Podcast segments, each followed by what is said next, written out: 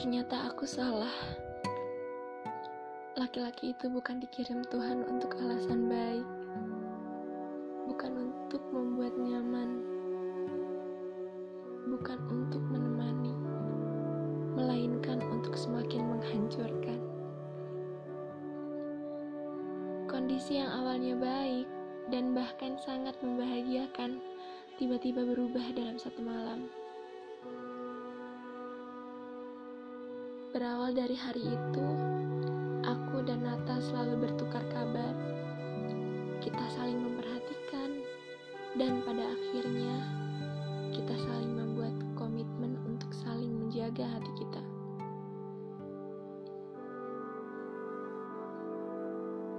Berjalan beberapa hari, aku masih belum yakin akan hal ini. Karena sebelumnya aku belum pernah berkomitmen dengan siapa pun. Aku selalu ragu dengan situasi itu. Aku selalu bertanya-tanya agar raguku hilang dan berubah jadi keyakinan.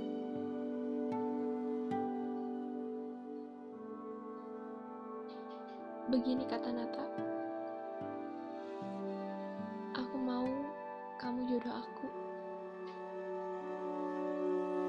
Dia selalu meyakinkan aku untuk berkomitmen dan saling menjaga hati satu sama lain sampai waktunya tiba nanti ketika kita berjodoh pasti Allah memberikan jalan kepada kita. Namun aku selalu tidak yakin. Dan suatu ketika dia bilang, "Ayo kita pergi."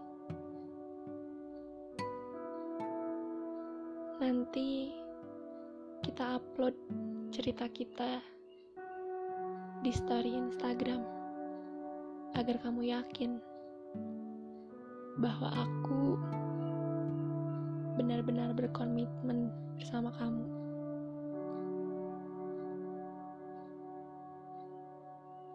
Dan hari itu tiba. Kita pergi berdua dan membagikan story tentang kita.